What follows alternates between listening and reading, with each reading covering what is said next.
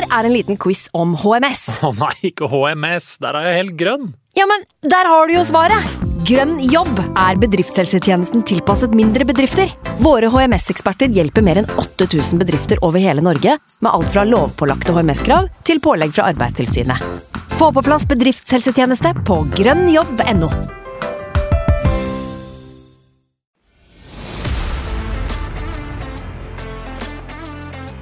When I lose a duel, I'm upset. When I lose the small side of the game, I'm upset. Because that's the fucking standard. Martin Odegaard has hit it into the bottom corner. And Arsenal are dreaming. Here they come again.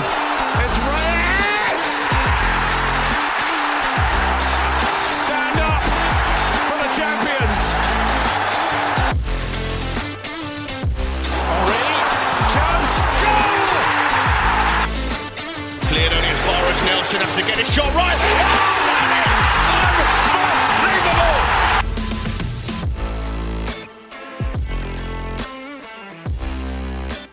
Signe Husfreden og hjertelig velkommen til en eh, splitter ny episode med Arsenal Station.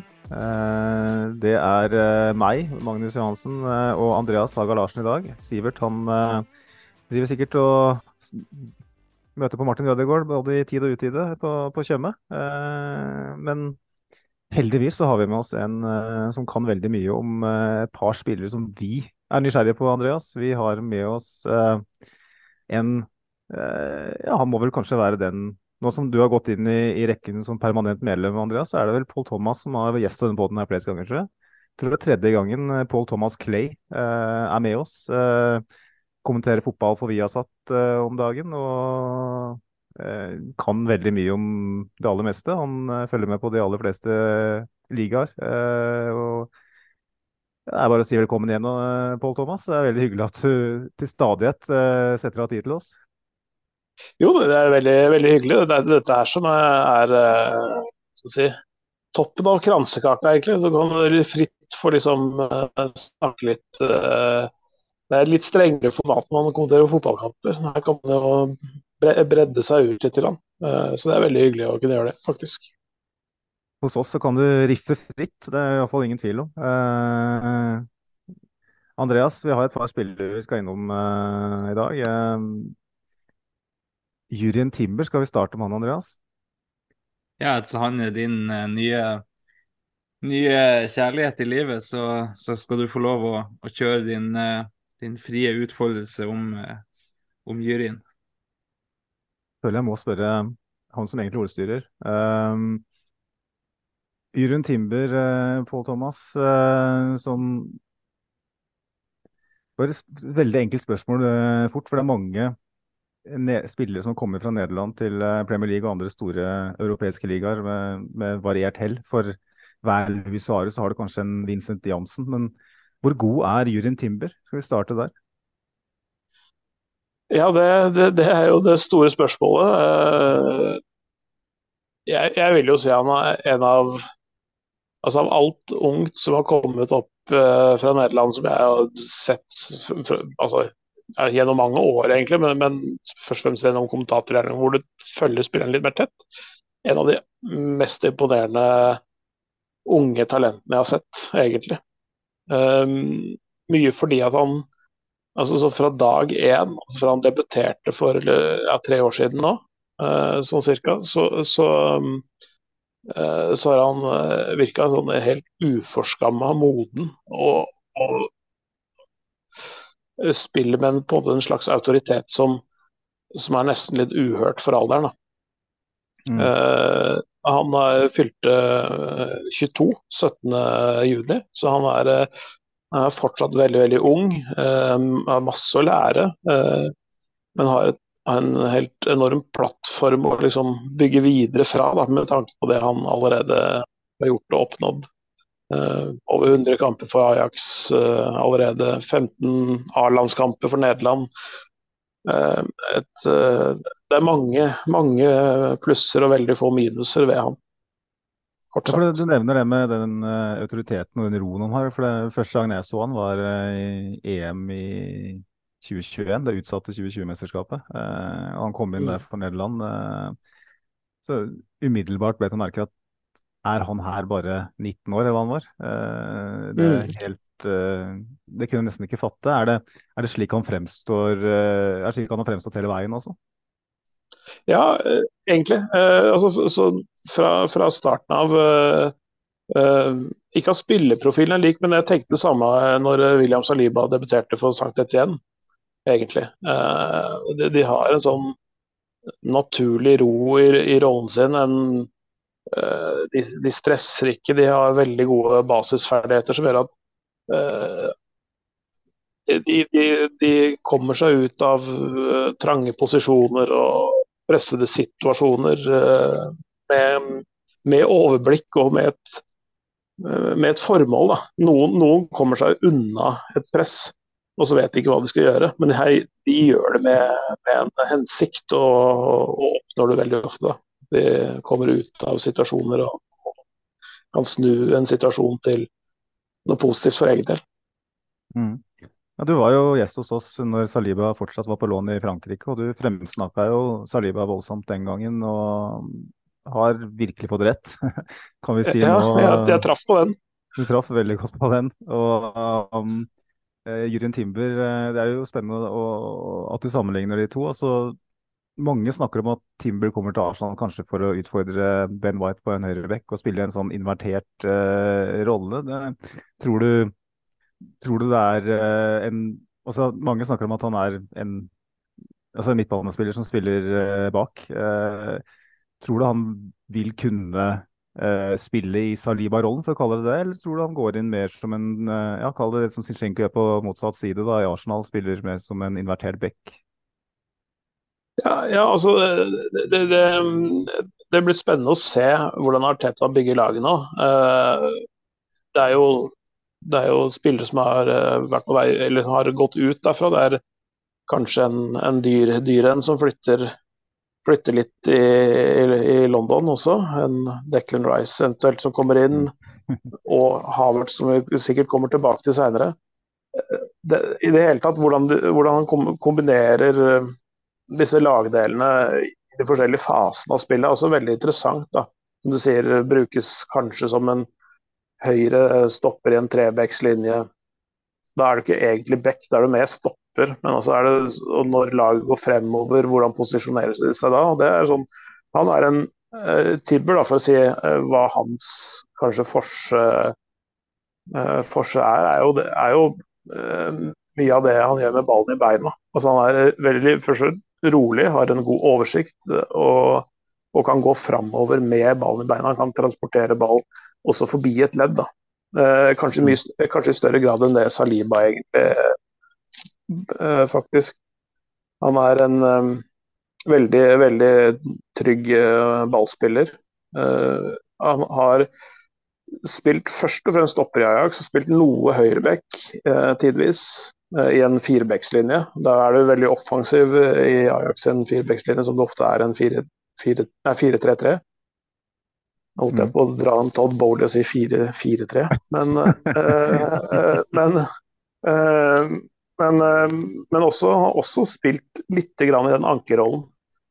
litt sånn som Daily Blindt noen ganger gjorde i Ajax også. At han gikk fra back-posisjon eller stopp-posisjon og, inn i en defensiv midtbanerolle. Så, så, han kan på en måte være en, en partner til Saliba i, i, i backlinja, men han kan også gå, gå opp og liksom spille ved siden av Declan Rice i en defensiv midtbane. Altså, hvordan, i litt forskjellige faser. hvordan har han klart seg i de kampene han har spilt i, i den rollen? Altså, altså uh, Han er nok best når han har utgangspunkt, altså startposisjon et eller annet sted i Forsvaret. Da. Altså stopper, sidestopper eller mot backsiden der, kanskje. Eh, som en sånn ren starter på defensiv midt, så, så, så, har det ikke vært det helt store i de, i de kampene jeg har sett. Eh, men eh, han kan fungere der òg, og man veit jo ikke hva som er det hele og fulle potensialet hans. Det var ingen som trodde at John Stones kunne være en defensiv midtbanespiller, kanskje på den måten som han har vært i, i City nå på vårparten. ikke sant?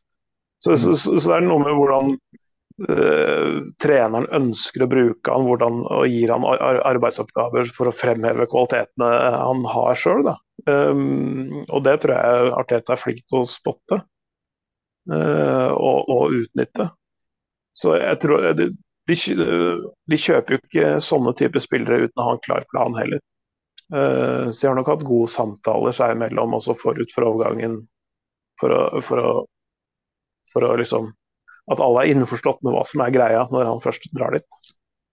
Ja, det, det, det er jo et fellestrekk ved alle Ariteta-signeringer at, eh, at det, er, det, er, et grunnarbeid som er gjort her. og um, En av de tingene som han har, som kanskje Ben White uh, ikke har i så stor grad i høyrebekkrollen, som du nevner Saliba ikke har så ekstreme egenskaper, det er jo å ta seg gjennom ledd. og hvis man ser på tallene, så ranker han ganske høyt blant spillerne i æresdivisjonen med flest pasninger inn i den siste tredjedelen. Jeg tror det var niendeplass eh, av alle spillere. og det, Når du spiller stopper da i, som utgangspunkt, eh, så er det spennende. og Da er spørsmålet mitt når han først da på en måte har tatt seg gjennom ledd og kommet så høyt i banen, eh, hvor godt behandler han ballen da? Hvor, hvor, hvor smart er Timber da eh, på den siste pasningen, eller nest siste pasningen?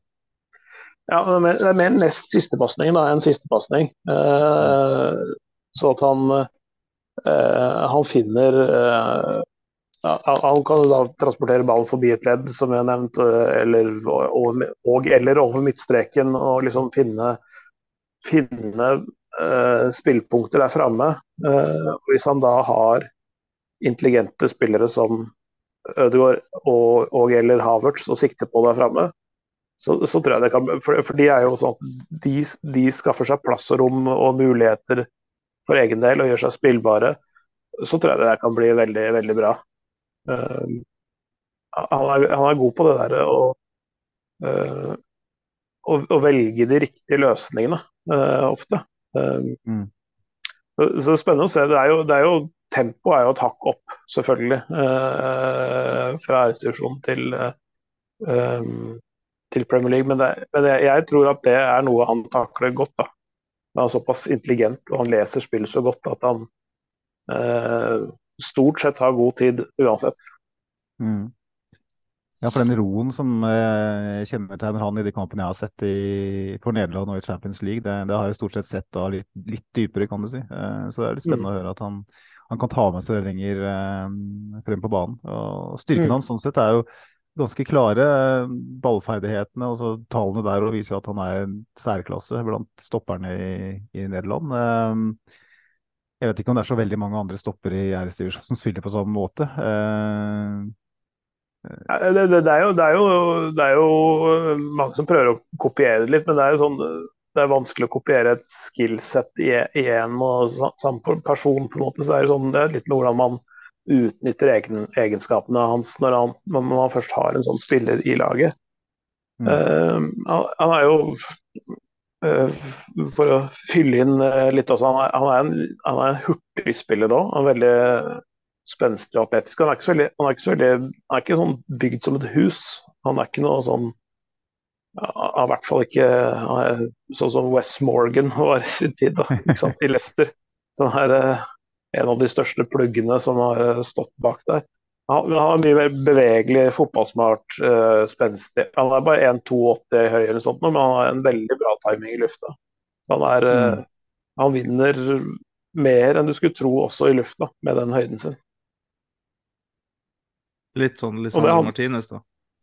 Ja, ja, på en måte. Og han er jo enda lavere igjen, men, men, men det er et eller annet med Når du leser spillet godt nok tidlig nok, så kan du ta eh, grep tidligere også, og, komme inn i en situasjon på en langt bedre måte enn motstanderen din. Så, så, så, jeg, ja, jeg, jeg, har veldig, veldig stor tro på ham. Ja, for Posisjonering er jo på en måte det defensivt som jeg er mest nysgjerrig på. Eh, med ball, så når, har la, når laget har ballen, og det stort sett har jo Ajax ball eh, mm når, når, du skal spille for Arsenal i Premier League eh, som en av si, de mest tre defensive spillerne, hvis man ser for seg at eh, Sinchenko skal spille uh, ute til venstre Det er jo vanskelig å si, selvfølgelig, som du var inne på. Men Eh, Mm. Når, når man da angriper med så mange mann, står, står så høyt, da er det jo helt avgjørende at man har en enorm forståelse av eh, hvor man skal plassere seg, og ikke minst fysikken og eh, farten til å ta ut i meterne. Saliba har jo vist at det, det er det noen som kan mestere. Uh, vi har sett andre spillere i Arsenal som ikke kan mestre. Eh, Ja. og hvor- så han er smart med ball. Hvor smart er han uten ball? Altså, I en sånn, eh, et sånt scenario, da, når man eh, mister ball eh, høyt i banen, eh, hvor dyktig er han til å eh, hva skal jeg si, ja, eh, bevege seg sånn at man avskjærer de løpene som kommer? Jo, han, han, han, er, han er ganske god til det. Det som, men det som er liksom, kanskje apere ved han, da, eh, for å si det sånn, det er jo det at han er en, en, en veldig offensiv forsvarsspiller, hvis det, hvis det begrepet gir noe mening. Um, og det kommer jo med en risiko. ikke sant? Altså At du kan ha en tendens til å stupe litt for langt framover og tenke litt for mye framover, ikke defensiv sikkerhet. Det er, det er finne den balansegangen der som er viktig. Og der, der er han ikke helt ferdig ennå. Sånn ferdig utvikla. Um, uh, litt, av og til litt sånn timingen på når han tar risiko og, og ikke. Det, det, er sånn som han uh, Ja, han er jo god på det, men, uh, men det uh, må nok jobbes litt med for man må jo da tilpasse seg et, et nytt miljø, en, en ny liga, en, ny, en annen type tempo, andre lagkamerater som har andre ferdigheter. Da, ikke sant? Uh, mm. Så det må, styr, må styres litt akkurat der, tror jeg. Uh, ellers så har, den, så har, han veldig mye bra, da. Men det er, det er kanskje det, det, ene at han kan bli tanke for offensiv uh, i, i huet noen ganger. Så har vi jo da eh, han han spilte sammen med i, i Ajax eh, i fjor, som kanskje til dels en lignende rolle. Kommer til en, en annen spiller som var ønska av Ten Hag i fjor sommer. Eh, endte opp med Martinez. Eh, kom til Premier League og fikk egentlig passet påskrevet av ekspertene før han sparka en ball om at han er for lav til å være stopper i, i Premier League, men viste at han hadde en aggressivitet og en tilstedeværelse og en smartness og kanskje også en kynisme eh, som gjør at han med rette makkeren absolutt kan være en god stopper i Premier League. Vi må forvente at Timber vil få litt samme behandlingen eh, før han har sparka en ball. Eh, er, altså, kan, Timber er jo ikke søramerikansk. Eh, han har kanskje ikke den aggressiviteten. eller Hvordan eh, regner du han for, eh, som stopper sånn sammenligna med Lisandro Martinez? da? Altså, Argentinere er jo en egen rase hva gjelder stoppere. Eh, og, altså sånn som du sier, litt hardhet og kynisme. Um, jeg skal ikke si at uh, Timber er naiv på noen måte, men, men han er ikke den uh, kanskje like kynisk som uh, Lisandro Martinez er. Um, som, som stuper inn i situasjoner med tenna først. og Sånn er ikke helt, helt der. Men så han kommer nok til å bli herda litt første, første tida i England. Men uh, han har vist seg før å justere seg ganske fort til omgivelsene, enten det er nye spillere eller nye kamparenaer som ja, Champions League eller landslaget. Det. Så han har uh, Det tror jeg skal gå ganske greit. Mm. Um, så har vi jo en Ajax-sesong som vi har lagt bak oss, som en av de svakere, eh, kan man vel si. Eh, tredjeplass og en del stridigheter internt, hvis ikke jeg har tolka ting feil. En eh, Schreuder vel som fikk sparken. Mange sier jo at Timber hadde en mye svakere sesong enn sesongen i forkant. Er det, handler det mest da om det som har foregått av Ajax, eller har han underprestert på noe vis, og vist, kanskje ikke vist helt hvem han er i den, i den situasjonen? Nei, altså det, det, er jo et veldig sammensatt bilde, og så kan man peke på mange forskjellige faktorer. Men det, det, det skjedde jo noe egentlig i fjor vår uh, når uh, um, Mark Overmars, egentlig, som dere jo kjenner i Arsenal, uh, oppførte seg veldig ufint mot noen kvinnelige ansatte i Ajax. Fikk sparken. Dette skjedde vel i, i mars uh, 2022. Uh, og, og, det, og det rakna litt på den sports, sportslig administrative siden, egentlig. de klarte ikke å finne noen erstatter. Det var Claes Jan Huntelar og en annen kar som skulle styre den biten sammen. Det har ikke funka helt.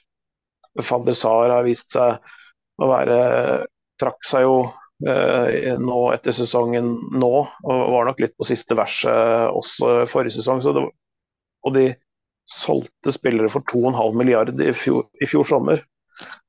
Og både Timber og Alvarez ble på en måte holdt igjen litt mot sin vilje, fordi de var egentlig klare for å ta steget videre, begge de to, i fjor sommer. Men de, de kunne rett og slett ikke gjøre det når de solgte så mye annet. For da hadde de ikke hatt noe igjen i det hele tatt å bygge videre på.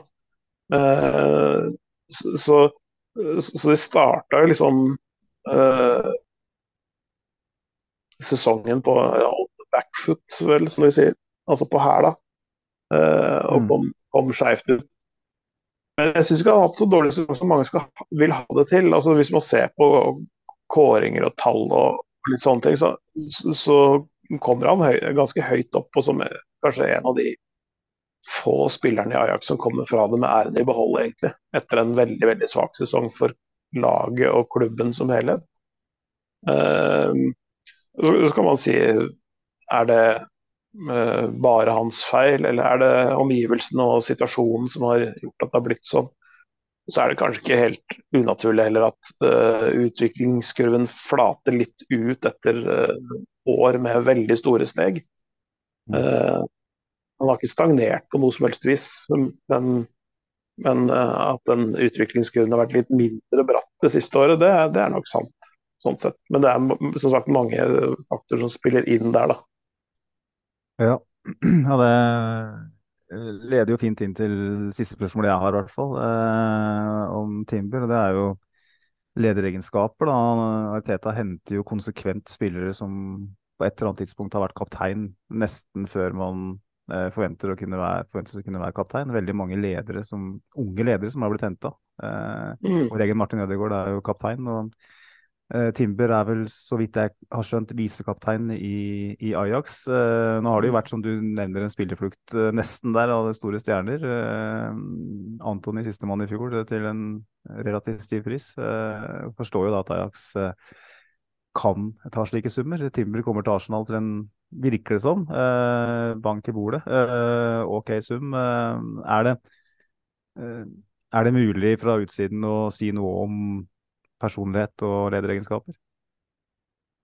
Ja, jeg virker som en god leder. Som sagt, modenheten som han viste fra tidlig, eh, tidlig alder, er jo noe altså de, de, er ganske godt oppdratt i Ajax akademi da, eh, på mange måter. Altså de, eh, som holdninger, holdningsskaparbeid som de også driver med med spillerne ved siden av også taktisk og teknisk skolere de, så, så, det, så han, han, er, en skikkelig ledertype, han. Um,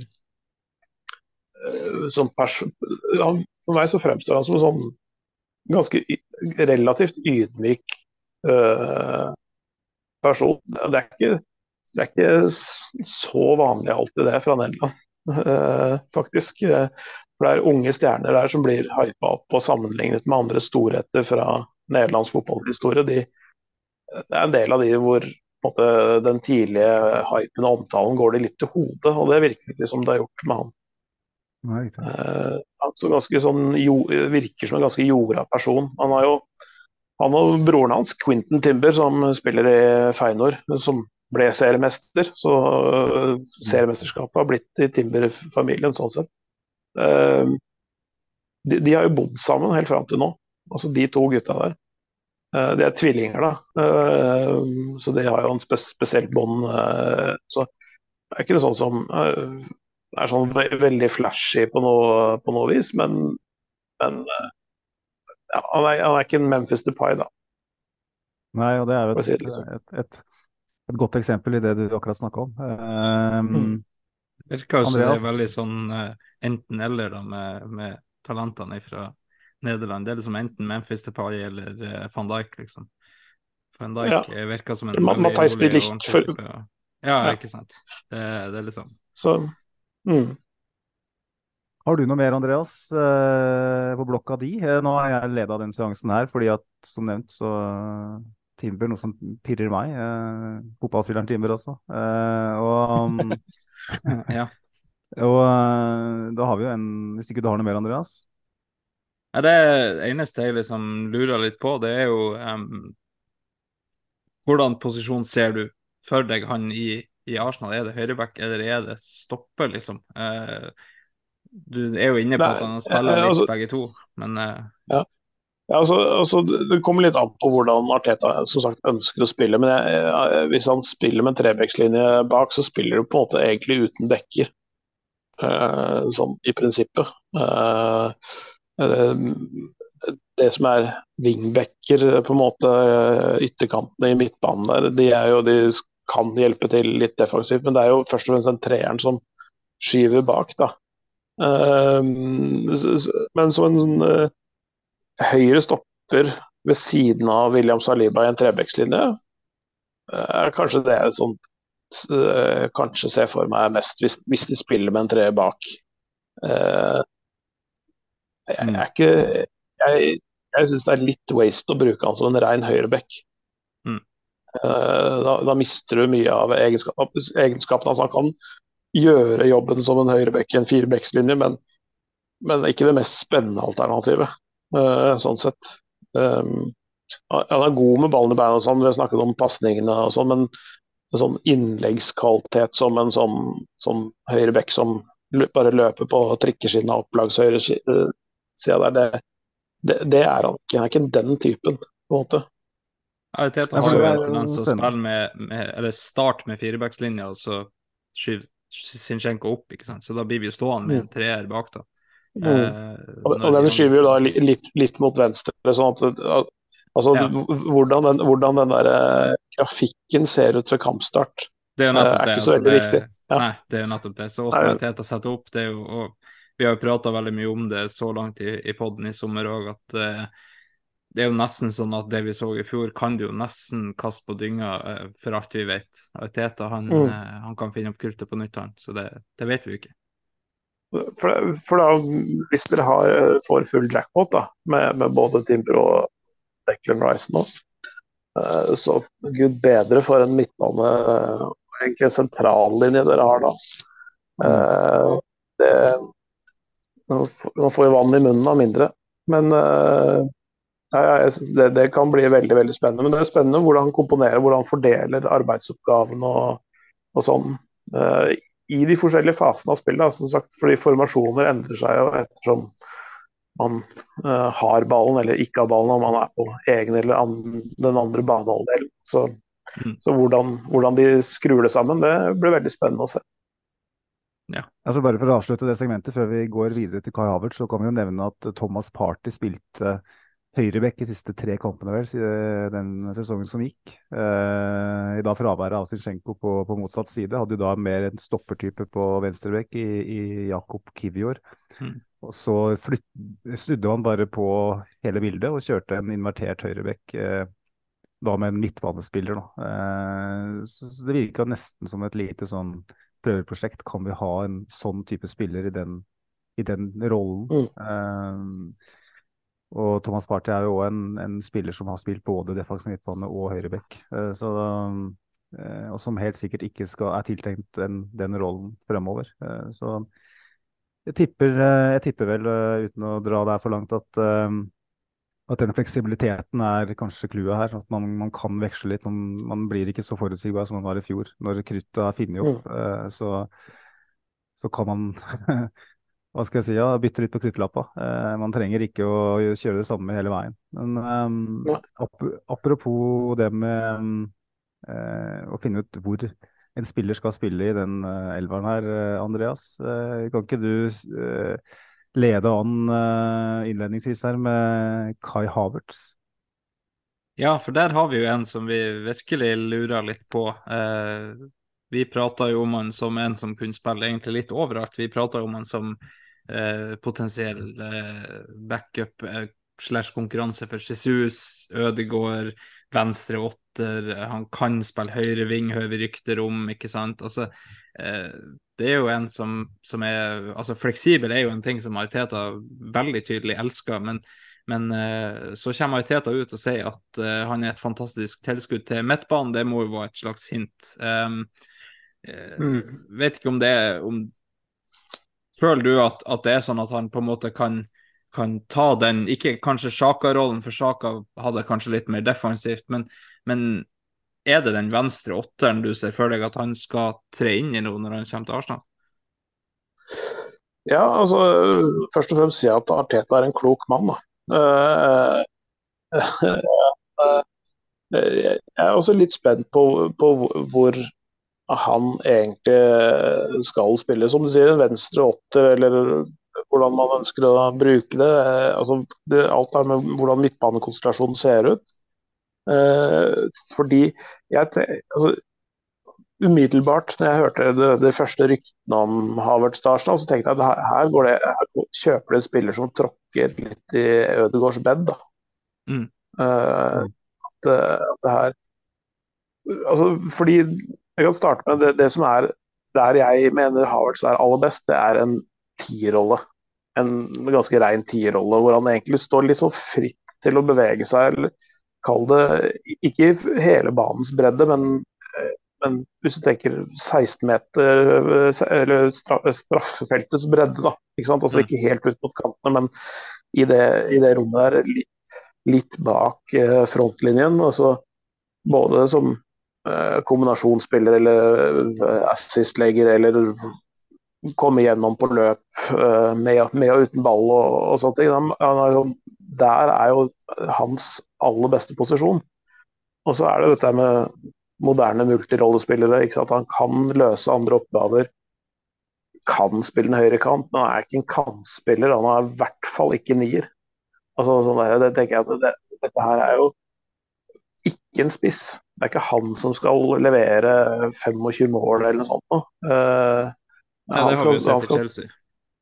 Ja, ikke sant. Det, det er nettopp det. Altså, jeg, jeg reiv meg i håret, for jeg, jeg, så, jo, så jo potensialet hans i, i Tyskland. Og, og, og, så Der ble han jo brukt i sin beste rolle. Uh, og når jeg så hvordan han ble brukt i Chelsea, så er det, det er dypt frustrerende å se et, et så bra fotballtalent altså, hva skal jeg si, misbrukes på den måten òg. Uh, han er ikke en sånn fyr som skal stange med ryggen uh, mål og ha to digre stopper i ryggen og sånn. Altså, han, han, skal uh, driver framover. Han er en framoverretta spiller. Uh, ja, det, det, tekniske har dere jo sett. Han har utsøkt touch og ja, god pasningsfot. veldig bra teknikk og spilleforståelse og alt det der. Men han, i utgangspunktet så tenker jeg at han er en tier, og det er litt sånn Hvordan tenker du å bruke Ødegaard da? Skal han synke litt dypere? Det, har man en sånn slags sånn sikksakk-mønster holdt jeg på å si, på midtbanen, hvor du har en ligger litt dypere, Ødegaard litt lenger fram, og så Havels foran der igjen. Han er en litt mer sånn Kall det Han kan penetrere ledd, da. Mm. Uh, på en litt annen måte enn det Ødegaard kan. Så han er på en måte mm, kanskje bedre litt lenger fram enn Ødegaard, men jeg tror de to sammen kan uh, bli veldig bra, f.eks. For det er jo Declan Rice som, som er uh, ment å, å, være et slags anker. Uh, så har vi snakka om i mm. podkasten her, er han så ekstremt defensivt? Klarer vi å bygge et fundament bak han igjen som er så sterkt at vi har råd til ha både Ødegaard og Havertz i en midtbanetreer? Og så Sjaka har jo da sammen med Thomas. Party danna en toer uh, når vi har forsvart oss uh, til tider. Jeg, jeg, vet ikke hva du tenker, men jeg syns det er vanskelig å se for meg Kai Havertz uh, som en del av en sånn blokk, toerblokk uh, foran uh, backfireren når vi ikke har ball. Ja, eh, det, ikke, det, det, det, er det som er litt sånn spennende, da, hvordan det løser det der. Det der. Men hvis, hvis, man kan tenke seg, i hvert fall sånn offensivt, at uh, f.eks. Timber trekker opp av den trebekslinja inn med Declan Rice, og så har du Havertz og Ødegaard foran, så har du en slags sånn firkant en blokk uh, hvor de, du har to offensive og to litt defensive spillere med litt forskjellige arbeidsoppgaver, mm. så vil du dekke mye av det sentrale både defensivt og offensivt. Ha mm. kombinasjonsmuligheter. Men det er sånn når du, når du mister ballen høyt i banen, hvordan, hvordan eh, løser det det da? For da vil du få et gapende hull foran Declan Rice. Eh, verken Havertz eller Ødegaard er spesielt uh, hurtig omstilling til defensivt arbeid. Og så har du, så har du Sinchenko som uh, venstreback. Uh, hvis vi fortsetter med det, da, da begynner man å ane ja. at den venstre sida er ganske åpen. Mm. Mm.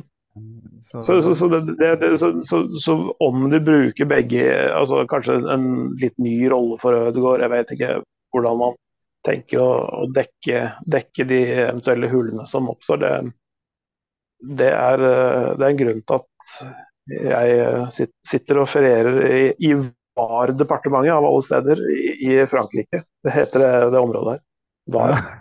uh, og Arteta driver og prepper gutta sine et eller annet sted i verden. Uh, altså det, det, tror jeg han finner en løsning på. Um, Absolutt. Uh, men det blir veldig spennende å se. Men det, men det er i hvert fall Det bobler jo over av offensive kvaliteter her, da.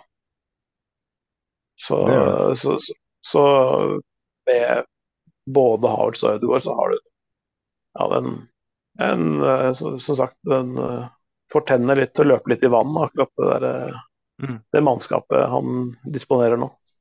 Jeg syns det er veldig gøy å høre beskrivelsen din av eh, Havertz. For eh, skrur man tida litt tilbake, så, så kunne jo det her vært presentasjonen av en, en annen tysker som kom fra Spania. Det, det, er jo en Messerød våg, våger bedre med rom foran og, og ball i beina og, og løp framfor mm. seg. Eh, så eh, det blir, som, som, du sier, veldig spennende å se hvordan Teta har tenkt å, å, løse det her. Eh, jeg tipper jo kanskje vi får se mer frihet på, på både Ødegaard og, og Havertz. Eh, kanskje vi får se litt mer veksling med, med, de to, litt mer som vi har sett med, med den offensive linja vår. Eh, vi, vi, har jo sett eh, en treer foran som egentlig altså Alle tre kan være hvor som helst på den trelinja framom der, så kanskje det blir litt mer likt med med de to som blir bak der òg. At uh, Havertz og Ødegaard kan mm. ligge og, og, og vandre litt. Grann. Uh, og, og, som du sier, de mm. to i, i lag, det, det lukter jo, det lukter jo uh, svidd av det. Uh, så det blir, mm. blir, veldig spennende å, å se hvordan han syr i sammen det, det, laget der. Både defensivt og offensivt. Mm. Men du som mm. så Havertz i, i Tyskland, og jeg, jeg, tolker deg klart og tydelig dit hen at du ser på han som uh, en offensiv midtbanespiller og ikke en, uh, ikke en uh, spiss. utover det, hva er den største forskjellen på Leverkosen Havertz og Chelsea Havertz? Du, du hadde jo en unggutt som, som fikk sin første smak av toppfotball og, og uh, måtte, ikke hadde noe å tape og, bare, ikke, og ikke tenkte konsekvenser, som veldig unge spillere gjør. Nå har han jo blitt litt sånn, kall det voksen, da, på en måte, i Chelsea. Brukt feil, men har uh, krumma nakken og vært profesjonell hele veien. da. Han har jo også Champions League-gull, så det er ikke sånn at det er helt håpløst den perioden hans i Chelsea heller. Uh, uh, men uh, Hva skal vi si altså, det, det, er litt sånn, sånn, Jeg skal ikke si at du så livsgnisten gå ut av øynene hans uh, helt, men, men, du så ikke Han sprudla ikke på, på, noe som helst vis på samme måte i Chelsea som i, i, i Bayer Leverkosen, syns jeg. Altså, det, det, jeg tror at han kommer til å finne tilbake til litt mer sånn spilleglede i Arsenal. Det tror jeg. Eh, en type, type, fotball som for seg er stabile rammer. Eh, han har jo vært gjennom et, eh, et halvt fotballag av trenere siden han kom til Chelsea. På de tre årene han har vært der. Så, stabile rammer, en, en, offensiv type fotball som jeg tror han passer, passer godt til, og som, hvor, hvor, han også er ønsket av uh, trenerne. Altså, han var vel eh, under fem trenere som ikke hadde kjøpt han i Chelsea eller sånt i løpet av de, i de åra der. Så, så, så, og de visste kanskje ikke helt hvordan de skulle bruke han. De hadde uh, de fleste utenom Tuchel hadde sikkert ikke sett han i Bayer Leverkosen engang. Ikke sant?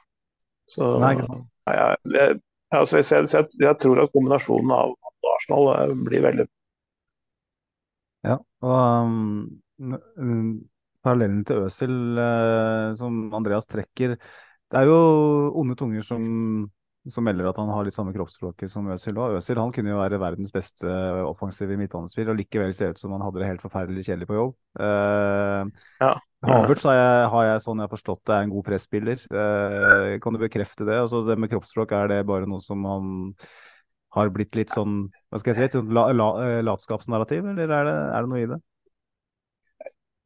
Jeg, tror ikke han er lat på noen som helst vis, men det er jo det er klart at noen Altså På noen så ser du tydeligere om de er i dårlig form enn eller enn ikke. da. Altså Det er noen som alltid løper masse. og så Det eneste du kan se, se det på, er litt effekten av de involveringene de gjør, om de har en dårlig dag. Mens, mens noen er veldig tydelige med kroppsspråket sitt når ting ikke går helt på skinner. Og det har jo vært, selv om jeg var inne på det har vært suksessrikt i Chelsea også, så har det vært veldig opp og ned. ikke sant? Altså det er, jeg tror han har vært sånn frustrert over både rolletildelinga hans og medspilleres bidrag til, til den taktiske planen. Jeg, jeg tror han er egentlig veldig disiplinert. Altså han, han, han er veldig på å gjøre det, den jobben han, eh, blir tildelt. Og da tror jeg han ganske tydelig viser eh, med kroppsspråket sitt når andre ikke gjør det. Ikke sant? Jeg tror jeg heng- heng- er med på det. Eh, Jeg tror ikke han er lat, men, eh, men han er ikke så Du ser ganske tydelig når han hva skal jeg si, ja, kanskje har blitt tildelt oppgaver han ikke mestrer. da. Han har kanskje Mm. fått et, et sett med arbeidsoppgaver i Chelsea som ikke passer hans spiller- og spilleprofil, kanskje lite grann. Eh, Så for å utnytte han optimalt, så må man sette han i rett posisjon, i en rett arbeidsoppgave. Så tror jeg du får eh, Ja. Det er nesten, det er nesten fristende å si at hvis han, hvis han får eh, lov til å gjøre det han skal, så trenger han ikke å forsvare seg. Nei, ikke sant? For så bra, for så bra er han. Det er litt, litt sånn det, det er litt det jeg tror Arteta handler om. Han tenker ikke så mye på hvordan han skal demme altså Ikke like mye som hvordan han skal demme opp for motstanderen. men mer, han tenker mer på hvordan han skal skape problemer for motstanderen. Ikke sant? Det er heller den veien, da. Ja. Eh, Så da kan vi egentlig eh, berolige lytterne våre med at uh, narrativet som går i, i Arsenal-miljøet nå uh, online, med at, at Havertz har, har levert litt dårlig, det handler mye mer om at Chelsea har misbrukt han enn at han har levert dårlig sjøl. ja. Ja, og det, det, det turbulensen som har, om, som har omslutta den klubben med, med, med eierskifte og trenerskifter eh, i bøtter og spann. Mm. Altså, altså alt det jeg, jeg tror han er litt, litt sånn avhengig av trygghet og faste rammer og tydelige arbeidsoppgaver, og det tror jeg han får, det får han jo nå. ikke sant? Og det, eh, jeg tror han kommer til å blomstre under det. Tror jeg. Ja, for hvor, hva er liksom, du som så han i Tyskland, den prislappen som uh, Chelsea ja, betalte, da. Uh, hvis Var det kan si 90 euro? Ja, jeg lurer på om det lå på det. Eh, jeg har sett litt forskjellige versjoner med add-ons og sånt, men eh, uansett, da. En, en, sånn, en sånn pengesum for en, en fotballspiller. Det er jo tre år siden òg. Inflasjonen har jo løpt yt ytterligere løpsk siden da. Og Mm. Eh, betaler man den summen for en så ung spiller, så tenker man at taket skal være høyt. Eh, altså, hva så, Basert på andre talenter du har sett i, i Bundesligaen, det har vært noen, eh, og litt av, og sånn sett, eh, hvor eh, god kan han bli? Og tenkte du på det tidspunktet at han er verdt det? Altså, altså, jeg ble jo eh, litt overraska over prislappen den gangen, jeg må si det. Selv med tanke på det, det vi kan kalle Premier League-skatt på toppen liksom, av en overgangssum. Det er ofte sånn Man finner en, man finner en eh, verdi på en spiller, og så må, kan andre klubber kjøpe han for den summen, men Premier League-klubben må liksom legge litt ekstra på fordi de har så mye penger. Eh, Men selv da syns jeg 90 var litt i overkant. Eh, Men det, og nå, nå er det Arsenal gir for han nå, angivelig? 60-70? 65 millioner pund er vel eh, Ja. jeg har Ja, det er vel- hørt, å si. Lest. Det ble vel 75 millioner euro, det er noe sånt. Mm. Så det, de har jo også holdt på å si Chelsea selv med tap. Um, men det, det, er nok en, det er nok en riktigere pris uh, fra nålegget. Jeg syns det var høyt når Chelsea kjøpte han. Men, men, men igjen, man kjøper jo potensialet. Ikke sant? Det, det kunne blitt fantastisk. Hadde de brukt han riktig, hadde de hatt stabile uh, rammer rundt seg, det laget der. Men uh, Um, jeg har ett siste spørsmål, jeg og Andreas. Eh, du har kanskje til, men uh, avslutteren Kai Havertz, den vil jo vi jo bli presentert for, uavhengig om han skulle igjen uh, uheldig, på uheldig vis bli satsa på en spissrolle. Men uansett, hvis vi kan spille i den Hvis vi skal tenke så enkelt som Sjaka-rollen, uh, så var jo Sjaka den sesongen her, uh, i likhet med Ødegaard, eh, veldig mye frempå i med dype løp. Sjaka var jo i perioder en Altså nesten uh, sjokkerende uh, god i, i de spissbevegelsene.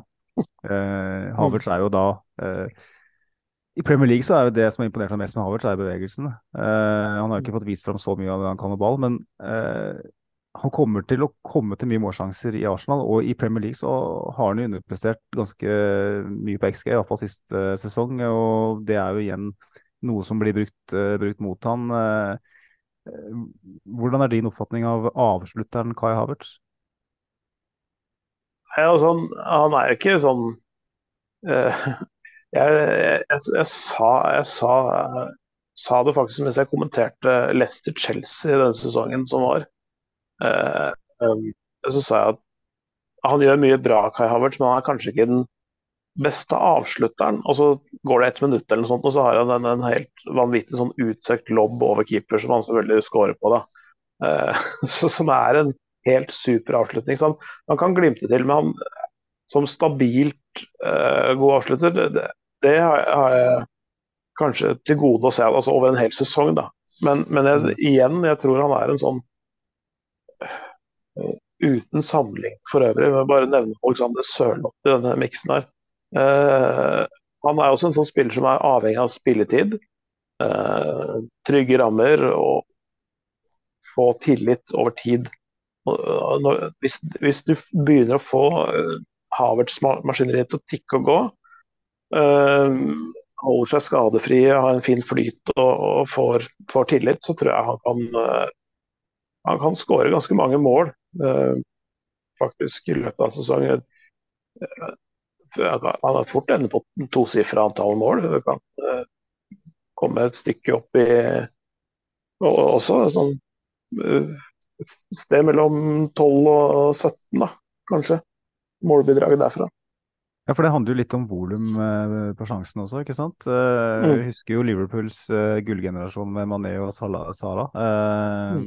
Hvis man så på hvor mye de brant, så begynte man å tenke på er det, kunne man henta noe annet som var litt mer, eh, mer iskalde, men det handler jo om hvor mye sjanser produserer du. Og Havertz Mm. er kanskje da den spilleren, i motsetning til en, et annet alternativ en sånn rolle, da, som er så intelligent og, og har både fysikken og hodet til å komme seg inn i de posisjonene. da. Eh, det- jeg, jeg, jeg personlig tror at det er Når jeg har sett må måten denne rollen har blitt løst på i Arsenal i år, så tenker jeg at det er der det er det eneste plassen jeg ser for meg Havertz egentlig i, i det laget her. Sånn, det er den eneste plassen som er ledig på et vis. Jeg klarer liksom ikke helt å se hvor Men, Jeg tror, jeg Igjen, tror du har rett i.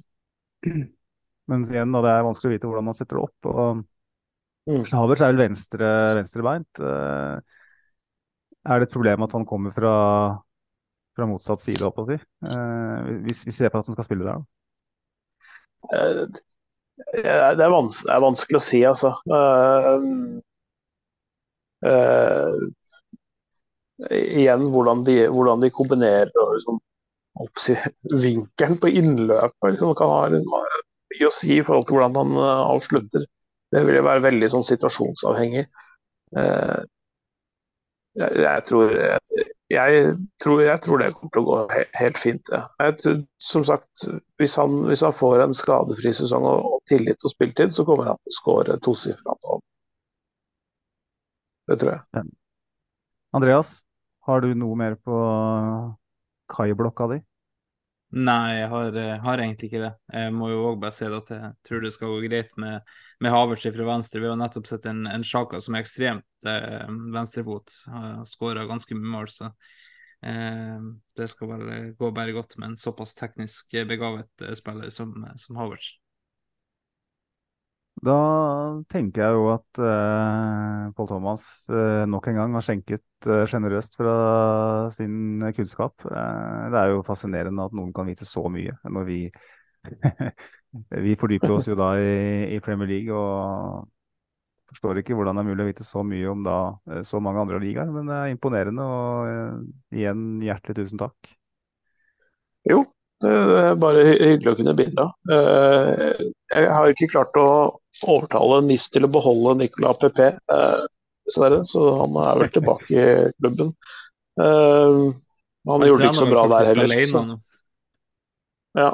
Jeg ser at han står oppført uten draktnummer i Arsenal, så det, det sier vel litt. Nei, bare ønske dere lykke til med å få både Timber og Rice over, eh, over mållinja her. Eh, så det kan eh, Da blir det nok en ny sesong i toppen, i hvert fall. Hvordan, hvordan sesongen blir ellers, er det jo umulig å spå, men, men jeg tror, tror, det er i hvert fall viktig å få gjort disse tingene tidlig. Og, og mm. da, da, har dere en edge på andre der som jeg ikke tror er helt ferdighandla helt ennå så, så, har dere en måned på dere til å få, en, få satt laget, et system og få kjemien til å uh, ja, stemme. Det er et kjempepoeng, det, og det har vi snakka mye om. og det at skal man, uh, skal man være med Manchester City inntil døra, så kan man ikke hente nøkkelspillene 20.8. Da, da har det toget gått for lenge og det, det, var det Arsenal gjorde i veldig mange år. Uh, mm. Ref, ref signering av Nicolas Pepé. Arsenal har jo blitt en en smart fotballklubb. Så det. Nicolas Pepe er jo på en måte en slags uh, gjenværende eksempel. Spøkelse, uh, si. Spøkelse, ja. Uh, fra det som en gang var. Ja, det, det, er litt synd, for han, inni, der, inni, der så bor det en fantastisk fotballspiller. Det er bare at alt har gått skeis i Arsenal. han Forhåpentligvis så, tror jeg finner, så, så, får han seg en fin klubb hvor han kan blomstre. for han han, han, kan være veldig bra, men toget har gått for han i Arsenal. Der er liksom bruer brent og det, det hele. Men, men, jeg håper dere får litt penger for den, da. Det er det Saudi-Arabia som er håpet, tror jeg. jeg få, han har vel en lønning, lønningspose som uh, tross ett år igjen av kontrakta gjør at han er sikkert ikke kjempegira på å ta hva som helst. og det, det, det skal han ha. Ja, vi har ikke sett ryktene om at han, han, vil komme tilbake og kjempe om plassen sin ennå, sånn som Cedric. da. Så vi, vi får se.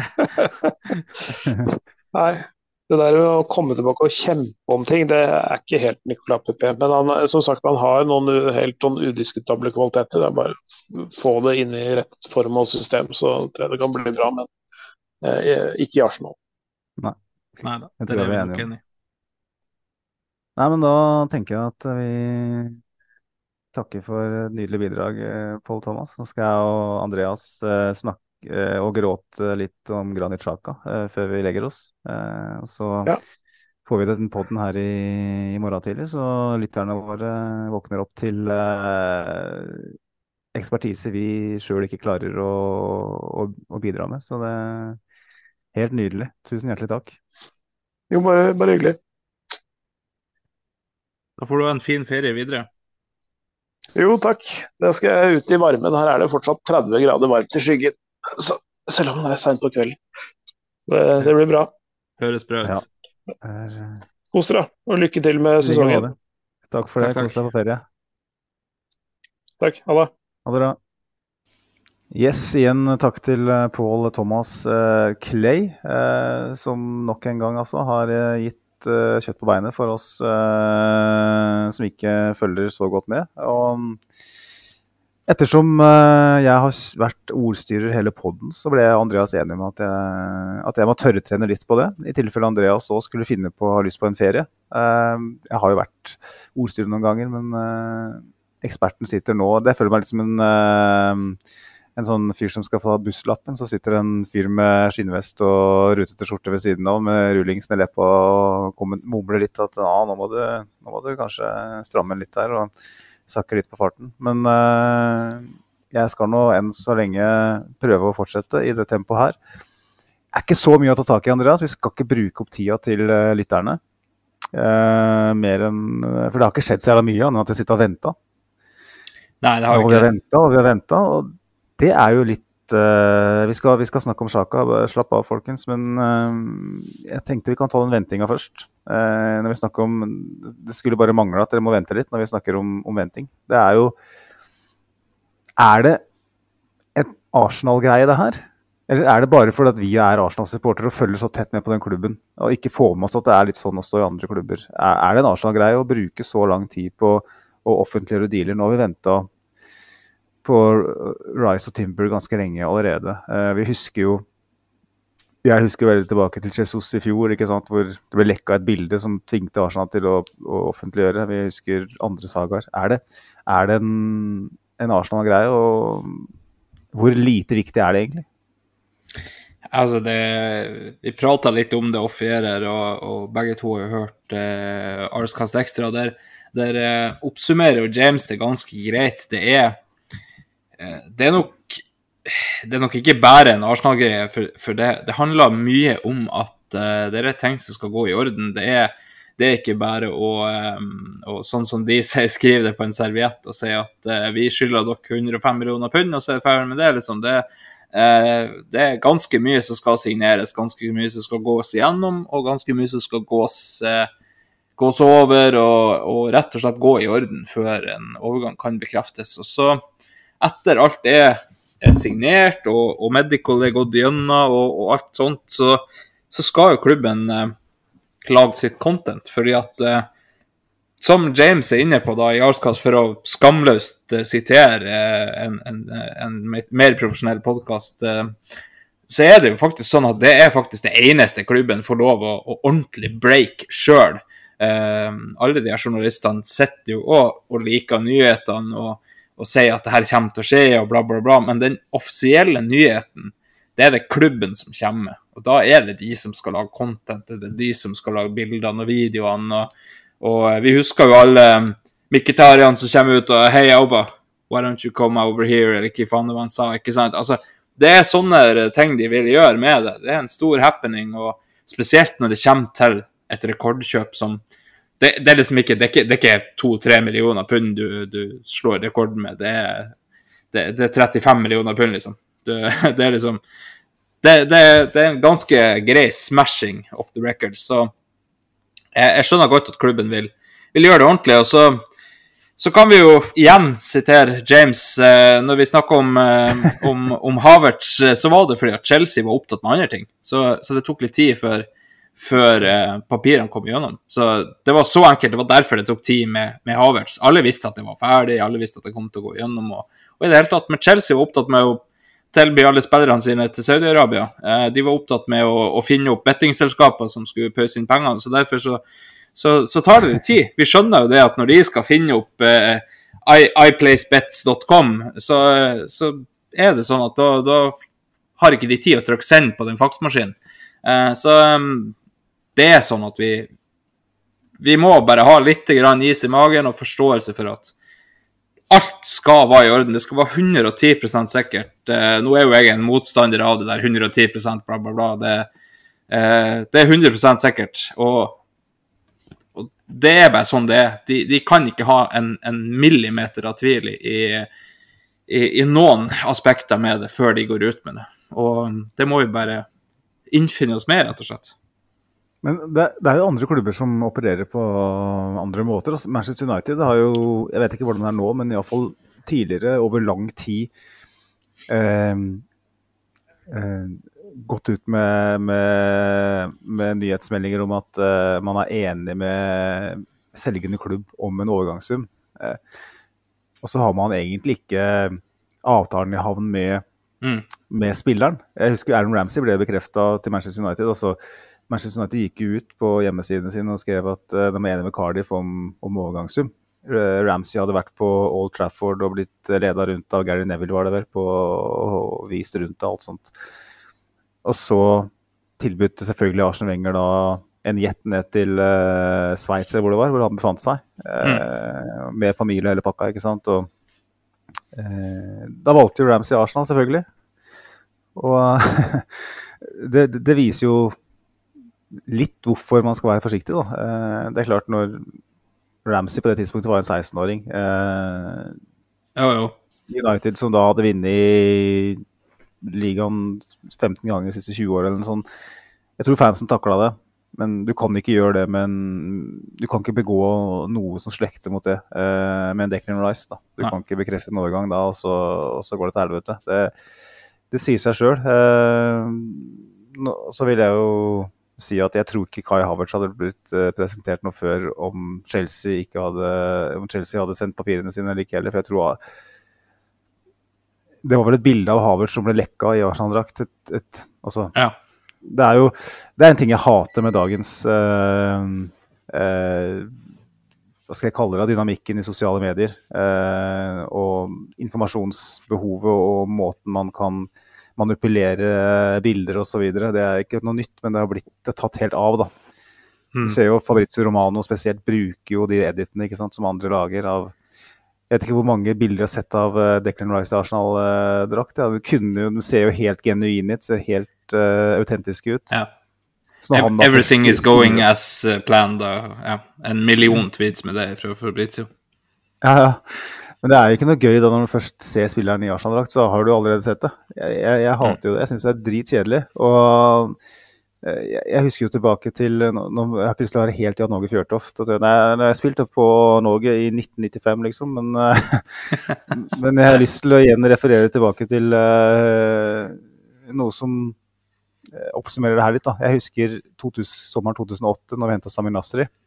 Uh, når du sto med rosa og var ferdig på barneskolen. eh, og poserte for bilder på Lurøy. Så Ja, jeg var tolv år da, i 2008. nettopp, så da, da var på den tida der. Så da satt jeg og, og refresha eh, News Now, eller hva vi brukte på den tida. Og Arslan Mania-forumet, for de som kjente det. Eh, Sami Nasri-sagaen, det var vel et eh, mesterskap eh, den sommeren. Og, eh, ja, må- 2008 var EM, EM, det. er riktig. Og, Nasri var vel i den troppen. Og, og Arsenal hadde gjort all jobben og alt sånt, men eh, det tok jo så jævlig lang tid å få bekreftet den overgangen. Men det var jo når han da Han poserte ikke med drakta på seg engang. Han poserte da i en Det står ut som en slags eh, byggefelt en eller annen plass med litt sånn uh, frodig vekst. Så sto han der da. Så hadde ikke, han hadde ikke fått tak i drakt med nummeret på ryggen, så han sto bare og holdt drakta. Så Mm. var det en kompis av han som tatt bilde og sendt ikke sant, via VAP, eller hva det het på den tida. Det der nettgreiene, ikke sant. Eh, og når det bildet breaka på, på nettet, eh, det var jo, så var jo det helt sykt å se Sami Nassi stå der og holde den Arsenal-skjorta. Mm, mm. Det har vi mista helt. Og jeg syns det er så trist, da. Jeg syns det burde være en uh, Det burde bli håper å si, Det burde sitte i den der stolen som du har sendt bilder av fra arbeidsplassen din. Sånn som en sånn, sånn elektrisk stol. Jeg skal ikke, skal ikke ta livet av folk for det, men det burde vært, det burde vært en form for uh, samfunnsstraff eller et eller annet for å legge ut bilde av uh, spillere i en drakt som de faktisk ikke har spilt i. Jeg, jeg hater det. Mm. Eh, digresjon. nå, eh, nå har jeg for det første to ting å si. Eh, for den første, den første tingen, da. Eh, vi har jo sett Liverpool eh, gå jo ut med det ganske nylig. Jeg tror faktisk de gjorde det så sent som i januar eller i fjor, at de er enige om overganger, og så skriver de bare nederst 'subject to' altså regulations, bla, bla, bla, bla. Eh, og det er jo egentlig en slags sånn tease. For det er en overgang som ikke er 100 ferdig, men ganske ferdig.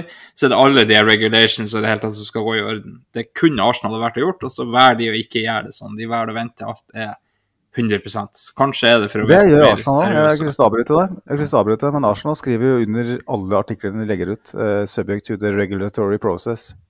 Stemmer det. Det, det, det er for å dekke seg bak eh, Eller ha ryggen ren. Det er liksom Var sikker på at eh, de, de har gjort på en måte alt rett sikkert. Jeg vet da faen.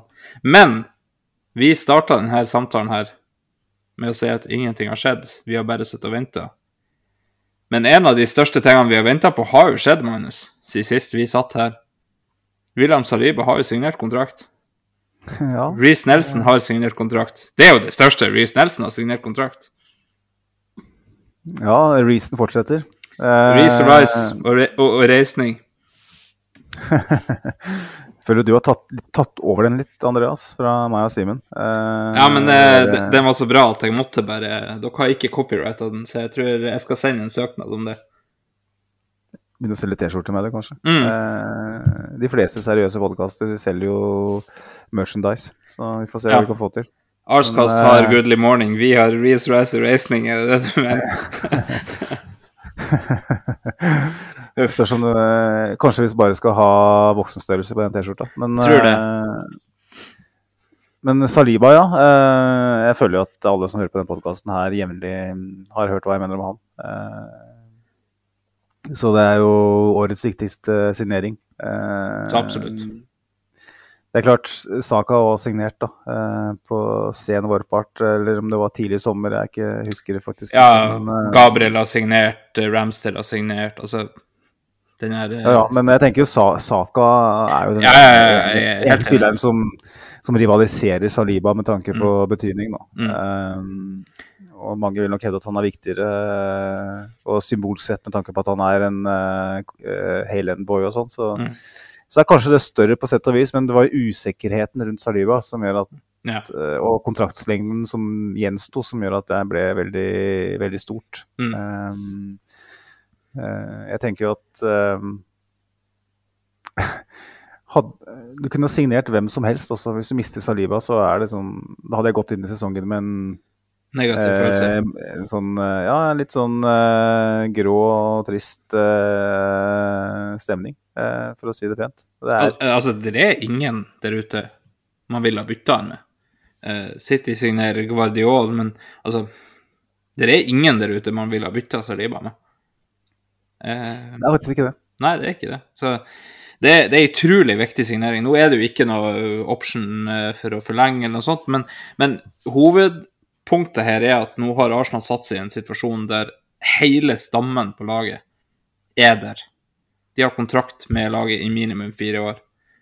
Eh, og det er ganske ekstremt. Nå, nå er vi faktisk der. Og, og som flere podkaster har vært inne på, nå er det faktisk sånn at de fleste lag i Europa de har ikke råd til stammen vår. Det er sånn at når eh, Altså, hvis du trekker bort Real Madrid Barcelona de har så mye økonomiske problemer at de kan bare drømme om å komme og rope etter Saliba. Eh, Real Madrid f.eks. Kan, kan gjøre det. PSG kan gjøre det. Eh, Bayern München kommer aldri til å legge så mye penger på bordet. Ellers City kanskje, men Arsenal selger ikke til så direkte rivaler. Det tror jeg ingenting på. Så hvis du tar bort Real Madrid, da, hvor skal Arsenal eventuelt kunne selge Saliba? Det er jeg, jeg kommer ikke på en eneste klubb. Det er Saudi-Arabia, da. Som uh, Nei, men da, da er de nødt til å komme med sånn her, ja, en milliard pund, liksom. Det, Ja, ja. Uh, det, det, det kan de gjøre. Ja, altså, de, de, absolutt. absolutt. Men, men, men poenget er jo at nå står vi faktisk i en situasjon der en ganske stor klubb, Juventus, Bayern München, uh, PSG, Barcelona Alle de her kan komme til oss nå, og så kan vi si nei. Dere har ikke råd. Og det er ganske ekstremt. Der var vi ikke for to år siden, tre år siden, ett år siden. Nei, altså det, det er jo mm, unprecedented times eh, sånn sett. Eh, Vi har jo tidligere også hatt eh, gode unge lag som man har plukka fra hverandre. fordi at på det tidspunktet så var ikke Premier League fotballens vugge på samme måte som det er i dag. Og Mm. forskjellen på et Arsenal og de som lå helt foran, eh, var enda større. Så eh, det er klart eh, det er, det er en voldsom statement å kunne forlenge kontraktene til, til spillere som Saka og Saliba uten at det egentlig er veldig mye føss. Det er ikke Prøv å huske tilbake til Vieira, da, for de som Mm. forguder han og setter han på en pidestall. Patrick Vieira gikk jo offentlig ut i media og, og satt, stilte store spørsmålstegn ved Arsenals ambisjoner. Eh, det er det ikke så mange som snakker om i dag. Hadde noen gjort det i dag, så hadde man jo blitt lynsja, ikke sant. Eh, han hadde blitt gjella, som man sier på fiskespråket. Og eh, Patrick Vieira var ikke mors beste barn når det gjaldt å hva skal jeg si unngå skriverier og overskrifter. Det var jo hovedsak i norske nettaviser, til og med det. At Mm. Var ute og slang med leppa. Sånn, sånn at, at man klarer å forlenge Saka, Saliba, Martinelli, Gabriel, Ramsdale osv. osv. Uten at det egentlig er veldig mye styr og føss rundt det. Det er, Ja, det er den mest naturlige ting i verden, liksom. ja, det, det, det, er, det, er, det er helt nytt da, for Mm. Arsenal. Det, det, er- det ikke noe vi er vant til i det hele tatt. Og, Ja, altså, du, du kan ta de største stjernene i hvordan som helst eh, Arsenal-lag i de siste 15 årene.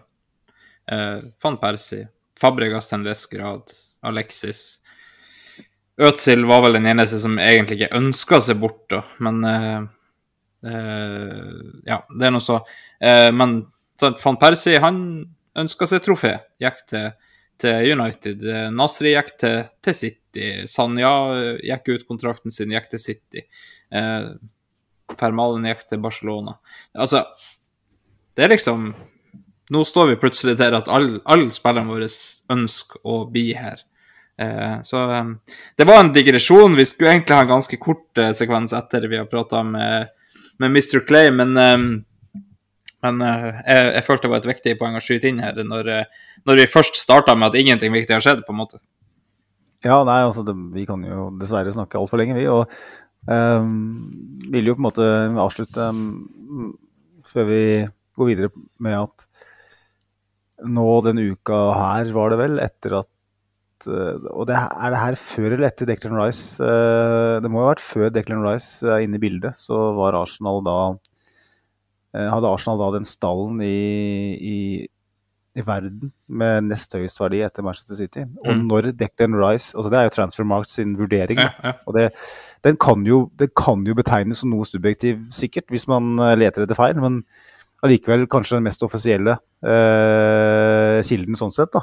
Ja. Eh, og når Declan Rice kommer på plass da, så er den stallen her verdt mer enn Manchester City sin. da. Eh, jeg er usikker på om vi skal legge for mye i den duellen med Manchester City, men at vi da ubestridt er topp to når det gjelder verdi på stall, når vi ser tilbake da Mm. tre-fire år, eh, det er én ting, men en annen ting Det er, for å bruke et eh, begrep jeg bruker altfor ofte, det er helt sjukt. Ja. Det er Ja, det, altså det, det er rett og slett helt sjukt. Eh, jeg så, eh, for å bygge videre på det poenget, så så jeg at vi har verdens dyreste keeper. Eller mest Ja. Altså høyeste verdsatte keeper.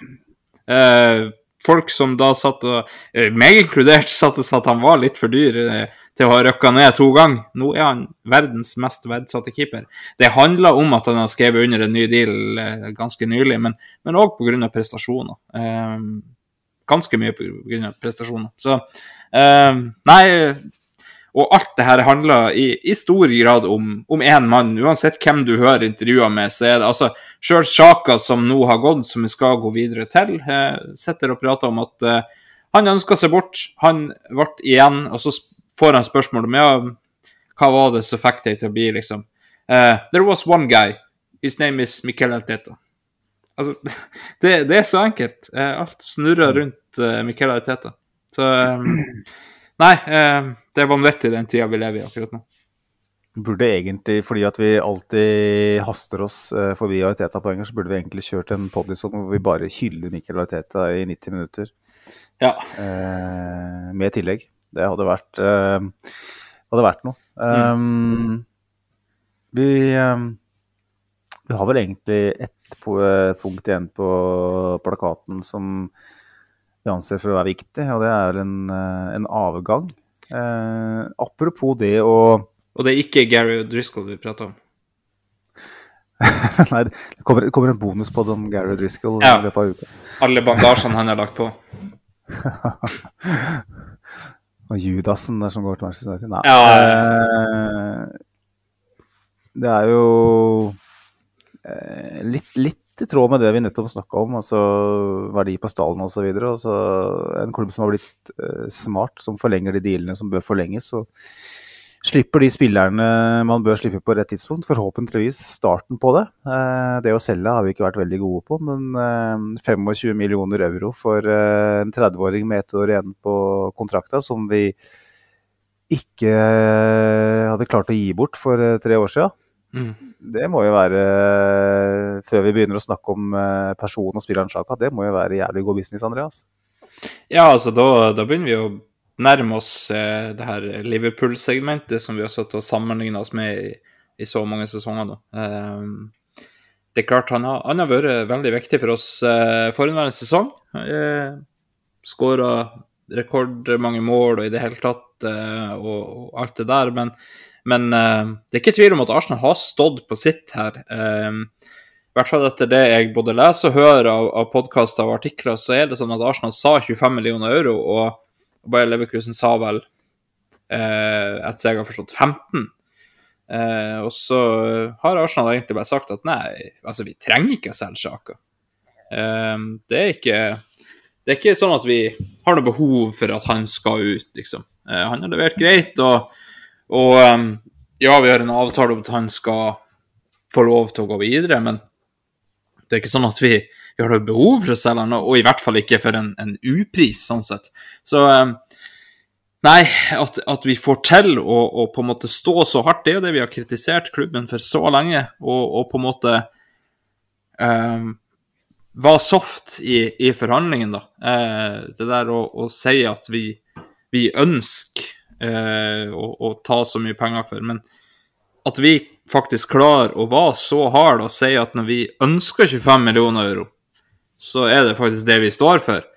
Og som sagt, når vi, når vi sier at vi trenger ikke å selge sjaker, så, så er jo det et argument godt nok tydeligvis til at da sier bare Leverkusen at ja, men sjaker er faktisk såpass at eh, Eh, OK, da, da, blir det 25 millioner euro, da. Så eh, Nei, eh, Edu har fått mye tyn for å ikke selge bra, men eh, så har han jo forsvart seg med at det er ikke så jævla lett å selge en, eh, en som nærmer seg 30, ikke er noe spesielt god, har fått en altfor bra deal og lever jævla godt i London. Um, så, så det, det, er vel enda noen igjen av de i, i klubben, men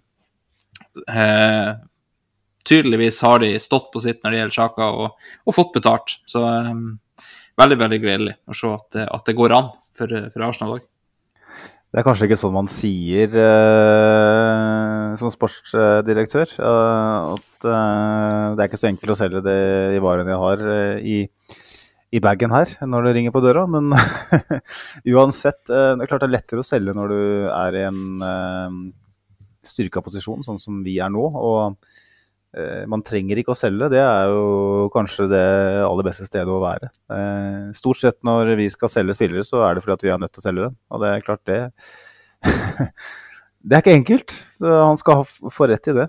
Um, Nei, altså det, det, er veldig vanskelig å selge en som du på en måte Du, du står og dytter ut og sier vær, vær, så snill, ta han her, og forresten kan vi få 30 millioner for han, liksom.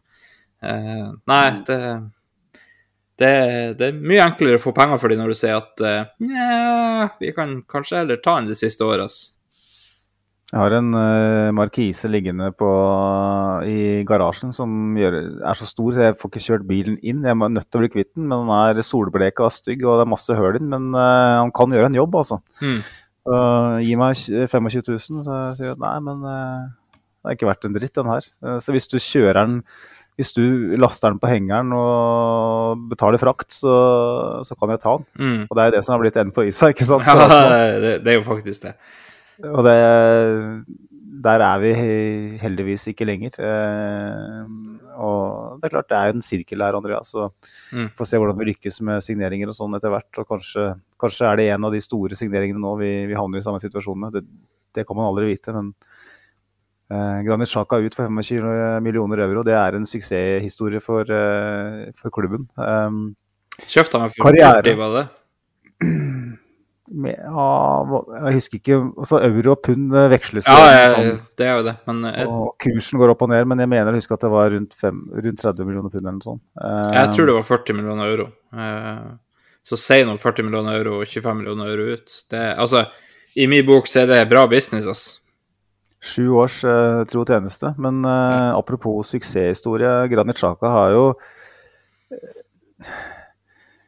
Det er jo lett å, og lett, det er jo lett å huske det, det siste som skjedde, eh, Mm. og basere narrativet på det. og la oss gjøre det med Granit Xhaka, for all del, men hans tid i Arsenal har jo ikke vært noe ubetinga suksesshistorie. Nei, definisjon på berg-og-dal-bane, vel. Eh, kom jo inn første målet hans eh, mot Hull der, vel. Eh, rakett fra 30 meter og, og på en måte der hysjetegnet og på en måte snakka med kjeften imot, eh, mot tribunen og ja. Um, og så har det liksom vært et sånt evig moment der at veldig ustabil. Um, kjempefarlig å sette han isolert, alene defensivt. Uh, men fy faen for en venstrefot, da. Uh, og så evig valgt. Altså alltid. Alle som har trena det her laget, har sett han først omtrent på laget. Eh, og de snakker om lederegenskaper, de snakker om lojalitet, de snakker om i det hele tatt eh, For meg så er det som oppsummerer han best, når Aiteta kommer til han og sier Hei, jeg trenger at du spiller venstreback for meg. Han har aldri spilt venstreback før. Og så sier han OK, boss, I'll do my best. Altså, hallo, liksom. Det, da snakka vi jo, men Han var vel 28 på det tidspunktet, eller 29, eller noe sånt. Spiller midtbanespiller hele sitt liv, vel. Hallo. Eh, vikariert litt på stopperplassen når vi trengte. Og så plutselig, hei, du skal spille venstreback. Og ikke sånn du, vi fikk et rødt kort, kan, kan du gå ned på venstreback? Nei, nei, du skal starte på venstreback. Og så er svaret ditt bare Og Arteta sier det jo. Altså, han svarer momentant OK, boss, I'll do my best. Eh, og det for meg oppsummerer det Granit Xhaka. Det er eh, en fantastisk spiller. Også egentlig comebackets mester, da. Han hadde jo alltid de her berg-og-dal-banene, da. Eh, når, når han var bra, så ble han prata som en av hjørnesteinene i laget. Så hadde han en som bølgedal, og det gikk jævla dårlig, fikk gjerne et rødt kort. Så kommer han med et comeback, skåra fra 40 meter. Ikke sant? Det eh, mitt favorittøyeblikk, for å ta det med én gang. Eh, jeg og min kjære fru var på tur eh, nordover ifra eh, vår, eller min svigerfamilie, da. Hennes eh, foreldre. Eh, det er en kjøretur på 16 timer ish. Eh, første juledag på tur nordover. Eh, og Arsenal spiller mot Chelsea. Det er i 2020, vel. Eh, Granit Xhaka Det er vel ikke så jævla lenge siden. Han kasta kapteinspinnet da, i 2020. Uh, vi får frispark mot Chelsea. Dette er kampen når alt snur, ikke sant? Uh, Stemmer.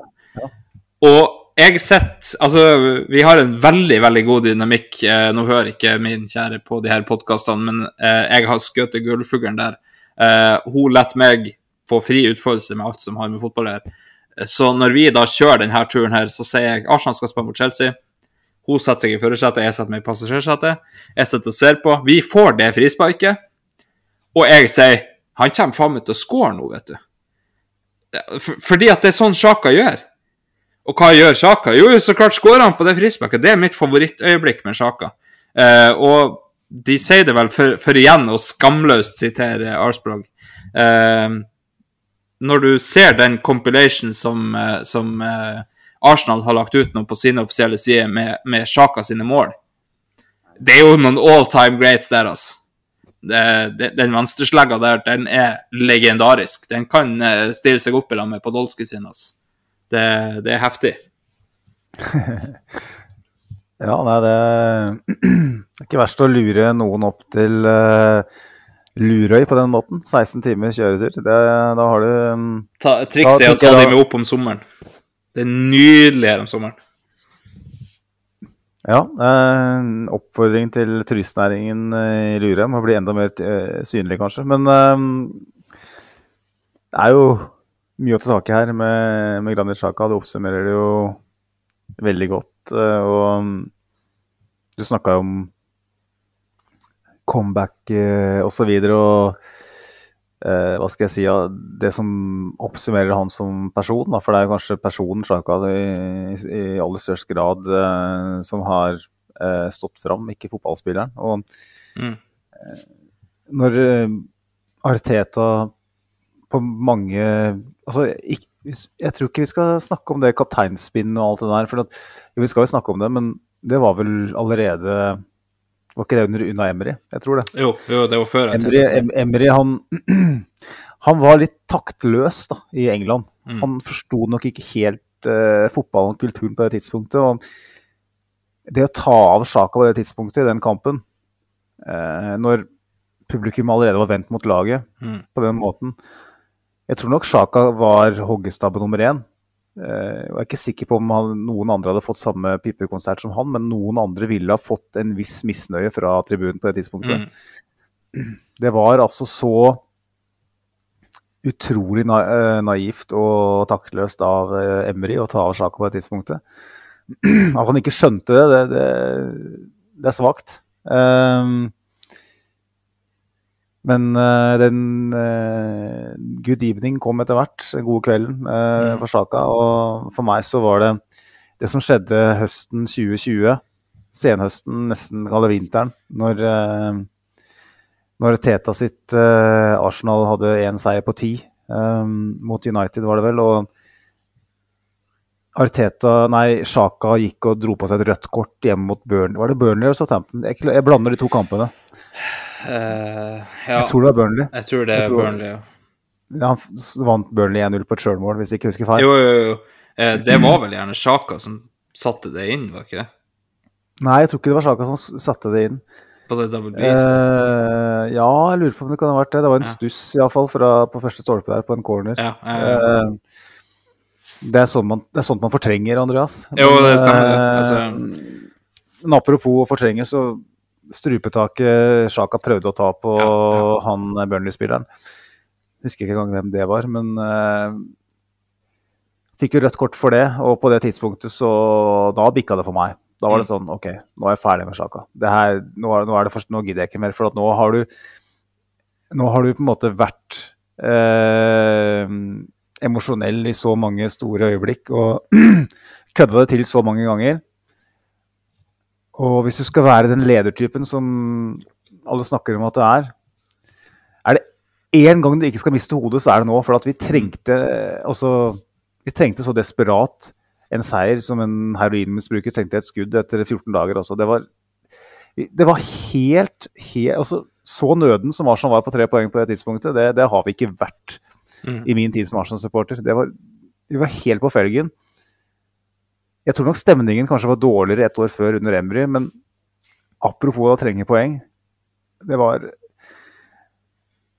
Altså, for meg da, det, var, det var slutten for saka for min del.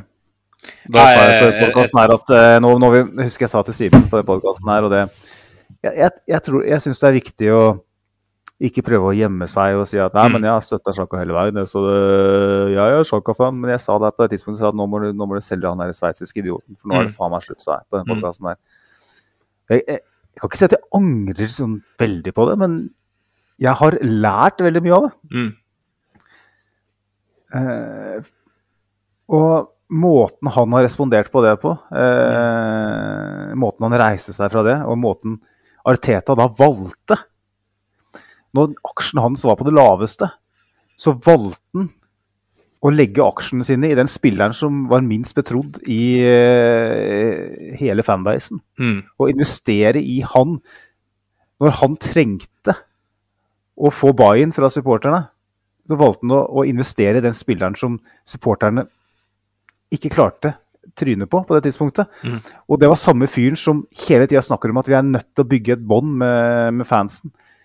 Det er nøkkelen her. Vi er nødt til å skape en atmosfære her eh, som muliggjør eh, det å bygge noe. Eh, og så investerer han den tida i, og de, den energien i Granit Xhaka av, av alle. Mm. For meg er det helt utrolig at det gikk bra. Eh, og det sier så mye om Arteta, men det sier også så mye om, om Granit Xhaka at eh, jeg syns det er helt fantastisk at, at fotball kan servere oss nok en sånn historie. Da. For det, I Arsenal eh, i nyere, moderne tid så er det kanskje unikt, men det er jo absolutt ikke unikt. Vi skal, vi skal ikke, Andreas, på noe tidspunkt avskrive fotballspillere på, den, på det nivået her.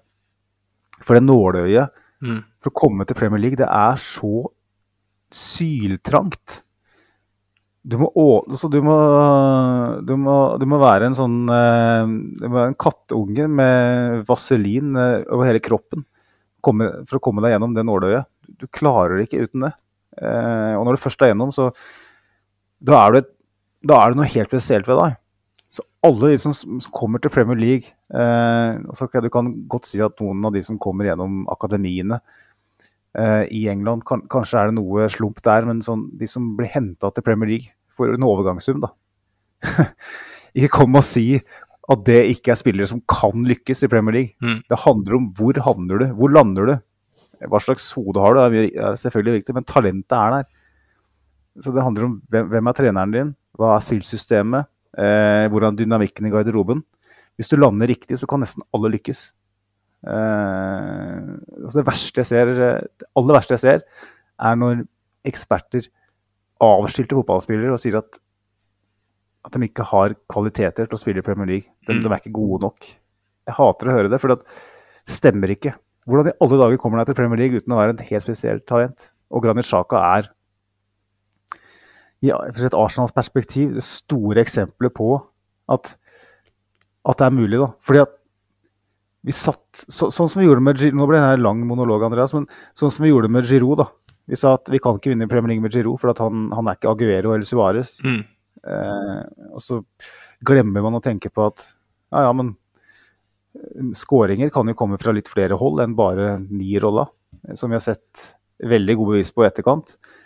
Eh, og vi sa òg at i, i den, Jeg vet ikke om jeg har sagt det i podkasten her, men vi har i hvert fall veldig mange Arsenal-supportere som har sagt opp gjennom året at du blir aldri topp fire Premier League med Granit Xhaka i maskinrommet. Det har blitt sagt så mange ganger. Ja. Og så klarer man ikke å åpne sinnet sitt godt nok og tenke at vet du hva? Jeg ser fotball en gang i uka. eh, Eller ser Arsenal en gang i uka. Jeg ser 90 minutter i uka med den spilleren her. Og baserer min hele og fulle eh, sannhet basert på det. Jeg har ikke et åpent nok sinn til å tenke at ja, men hvis det kommer inn en ny trener, eh, hvis han får en ny rolle, kan, kan, kan, kan fyren der blomstre? Hvorfor skal du bombastisk kunne si at det ikke kan skje? Mm. Og Granit Xhaka er for meg beviset på at det må vi aldri gjøre. Eh, Jeg kommer nok aldri til å si at Cedric Suárez han kan fort bli en tier han i det Arsenal-laget her neste sesong og skåre 15 mål og legge til rette for 20, men du skjønner hva jeg mener, ikke sant? Ja, altså det Granit Xhaka er, er og, og som du sier, jeg, jeg skal heller ikke gjemme bak noe slags eh, slør av, av, av falsk positivitet. For jeg, for jeg satt vel òg og, og sa det at eh, han må vi snart være ferdig med. Nå, nå, nå kan vi faktisk ikke lure oss sjøl til å tro at han er bra nok lenger. Eh, og, og jeg, jeg, jeg jeg avmeldte han vel på alle mulige måter i, i min forhenværende podkast, så eh, jeg stiller meg i rekka der. Eh, og, og som du sier, vi, vi sitter en gang i uka, og så, det som er så paradoksalt med det, er at jeg vet at jeg sjøl har brukt argumentet det er ikke vi som ser de hver dag på treningsfeltet, bla, bla, bla. Og så vet jeg at jeg òg har fulgt det opp med men samtidig så er det det som skjer i kamp som teller. Ikke sant? Det, det er jo fotballidiotens faste mantra, det. Og så ser vi de her redemptions som kommer. Eh, det skjer ikke, eh, skjer ikke hver sesong, det skjer ikke hver femte sesong, men, men her har det jo skjedd så til i grader. Eh, som du ser, Granit Xhaka ble satsa på når eh, Jeg vet ikke om noen i Premier League hadde satsa på han, annet enn Arteta. Det, han var så langt nede, han. Både, både personlig og i, i øynene til, eh, til fansen. Um, og, um, og det endte med faktisk at, eh, at vi nå sitter og, og kan prate positivt om han som kasta kapteinspinnet og roper 'fuck off' til fansen. Um, det er helt ekstremt, det. Og, og det handler egentlig, som du sier, bare om en ny mann som kom inn, så han på en ny måte. Vi husker når han var henta, så sa Ersen Wenger det at Granit Xhaka is not a natural tackler. Allikevel satte han han så jævlig ofte isolert alene defensivt. Eh, hvor er logikken i det? Arsene Wenger sa òg at han var en box-to-box midfielder, og så virka det sånn så han ombestemte seg så jævlig tidlig. Og så, så var det egentlig ikke verre enn at, at eh, Arteta kom før sommeren i fjor og sa neste år så trenger jeg mer mål fra deg. Så kommer eh, Granit Xhaka tilbake til fjorårssesongen, mer atletisk, mer eh, har mye mer eh, motor, har mye mer sprint og alt det der. der Skåra rekordmange mål i Premier League. Og er altså instrumental i det vi gjør defensivt. Jeg syns jo um, altså Du oppsummerte jo fint med de øyeblikkene der han feila. Og så kan vi trekke parallellen da til det, de øyeblikkene i sesongen i, i, år. Altså, når han står og håner motspillere bare for å dra de over streken. Og så, du, du ser det i øynene på han. Han har full kontroll i flere av de situasjonene der. Han bare står i øynene på de og bare Hæ? Faen er det du tror? Og så, så ender de opp med gult kort, til, kanskje til begge av dem, men det ender opp med at motstanderen eksploderer. Og så, ja, kanskje han fyrer opp Trent for mye på Jeg, jeg kjøper ikke helt det argumentet på, på, Anfield. Jeg tror Anfield hadde våkna uansett, eh, for Anfield gjør det. Men, eh, men altså Sjaka har levert for oss eh, i, i, den sesongen som har gått nå, på så vanvittig mange viktige punkter. Eh, har han stått som den foregangsfiguren mentalt. Altså det der med eh, det, det, er han som samler gruppa. Av og til gjør han det kanskje litt tidlig, eh, men, men, det er han som samler gruppa og bare Gutta, vi må faktisk ro litt ned her. Og så må vi faktisk ta det litt back to basics, og så må vi spille oss opp. Eh, og vi ser det gang etter gang. Det, det er ofte han som har leda de her eh, team huddles i det hele tatt. Og, eh, og i, altså, det er, ikke, det er ikke alltid Ødegaard, det er ikke alltid Zinchenko eller Jesus eller uansett. Eh, det er ofte Sjaka, for han, han, er en som, som vet hva det her faktisk betyr. Eh, og det faktum at, at, vi på en måte kan gå ifra han som tar kvelertak på, på, en spiller i, i det øyeblikket der det betyr mest, til jeg husker ikke hvilken kamp det er, der han kasta seg inn i en sånn sinnssyk blokkering innenfor 16-meter i sesongen som nå er gått. Ja, ikke sant? Newcastle? Ja. ja, ja, ja. Altså eh, For, for eh, tre-fire sesonger siden er det rødt kortet fordi han bomma litt. Grann. Fordi han kommer inn litt for kjapt, eller Vi husker karatesparket imot Var det mot United, da? Eh, når han kommer uh, alene bak der og bare sparker i brystkassa på en kar. Ikke vann og vann. Er ikke det, er ikke det Liverpool i ligacupen? Liverpool i ligacupen, stemmer det. Ja, ja. Og det handler om spille på hans styrker, ikke sant. Og jeg skrev det vel eh, Jeg husker ikke om jeg skrev det på vår Twitter-konto, eh, eller om jeg har skrevet det en annen sted, men spill litt på hans styrker, som, som Sveits egentlig gjorde i mange år. Eh, han spilte egentlig stort sett bedre på landslaget enn det han gjorde for Arsenal i de tidlige årene for Arsenal. Og, og det handler mye om at vi, vi, vi ba han om å gjøre litt for mye. Vi isolerte han alene i det som nå er blitt en partyrollen. Og det var ikke han kapabel til. Um, så enkelt var det bare.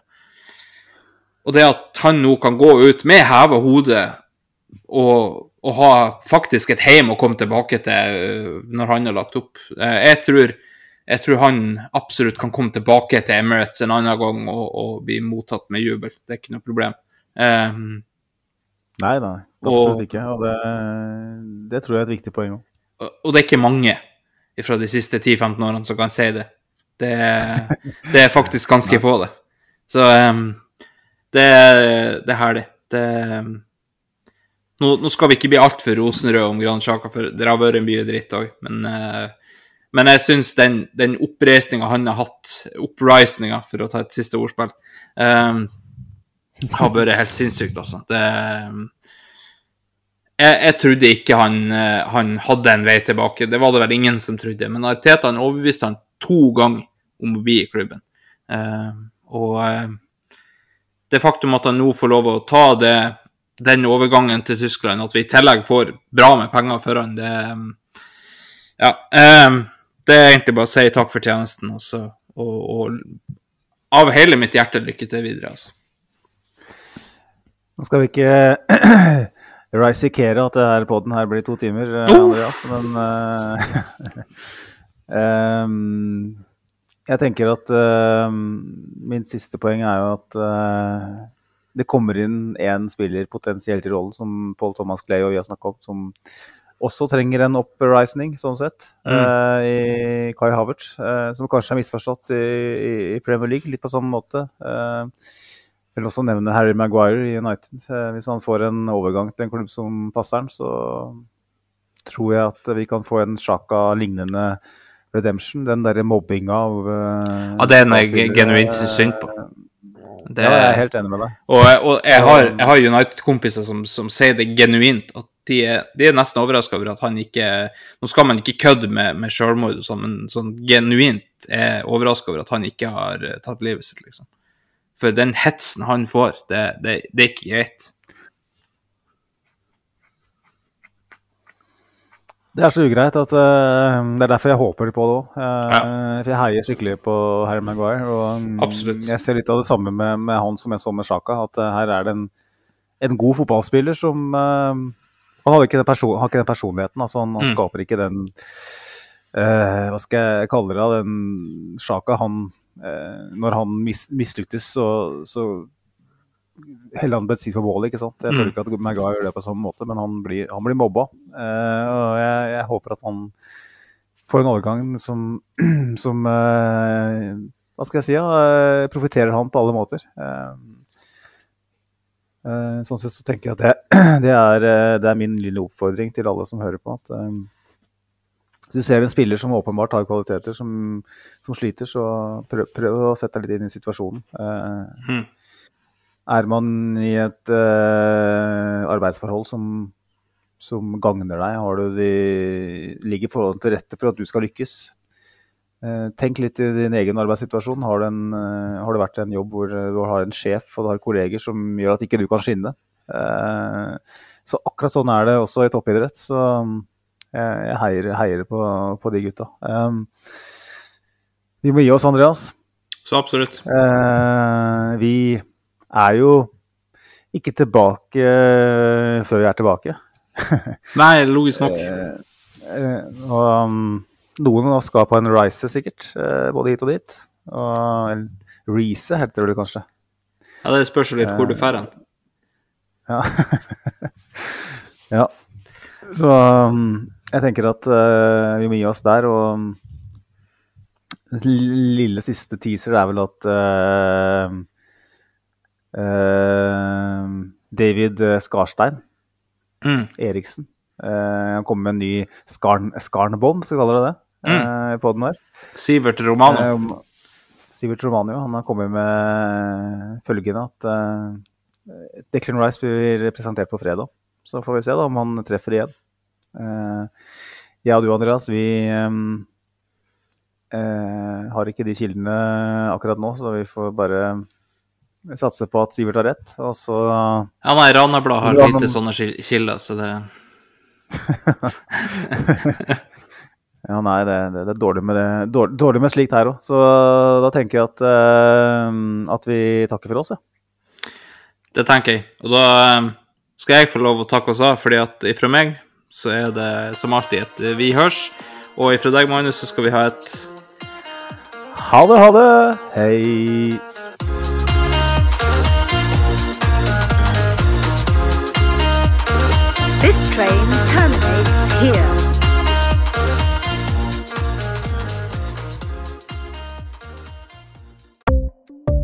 Ukens annonsør er HelloFresh. HelloFresh er verdens ledende matkasseleverandør og kan være redningen i en travel hverdag. Mange av oss har nok vandret i butikken både sultne og uten en plan for middagen, som ender med at vi går for de samme kjedelige rettene gang på gang. Middag burde være dagens høydepunkt. Som HelloFresh kan du nå velge mellom 25 ulike retter hver eneste uke, eller få HelloFresh til å sette sammen menyen for deg. Dette gir deg muligheten til å prøve nye og spennende retter alene eller sammen med familien. Du velger antall porsjoner og får alt levert på døren på et tidspunkt som passer for deg. Oppskriftene er enkle, og maten er lett å lage både for store og for små. Ved å få alt levert hjem får du også mer tid til å dele matgleden med familie og venner. Kanskje det frister med asiatiske tacos eller greskinspirert kylling? Da kan jeg anbefale deg om å gå inn på hellofresh.no. Her kan du bruke koden FOTBALL og få opptil 1779 kroner i rabatt på de første fem matkastene hvis du ikke har prøvd Hello Fresh tidligere. Du kan også bruke rabatten hvis du har vært kunde og stoppet abonnementet ditt for tolv måneder siden eller lengre. Gå inn på hellofresh.no og bruk koden FOTBALL. Har du et enkeltpersonforetak eller en liten bedrift? Da er du sikkert lei av å høre meg snakke om hvor enkelt det er med kvitteringer og bilag i fiken, så vi eh, gir oss her, vi. Fordi vi liker enkelt. Fiken superenkelt regnskap.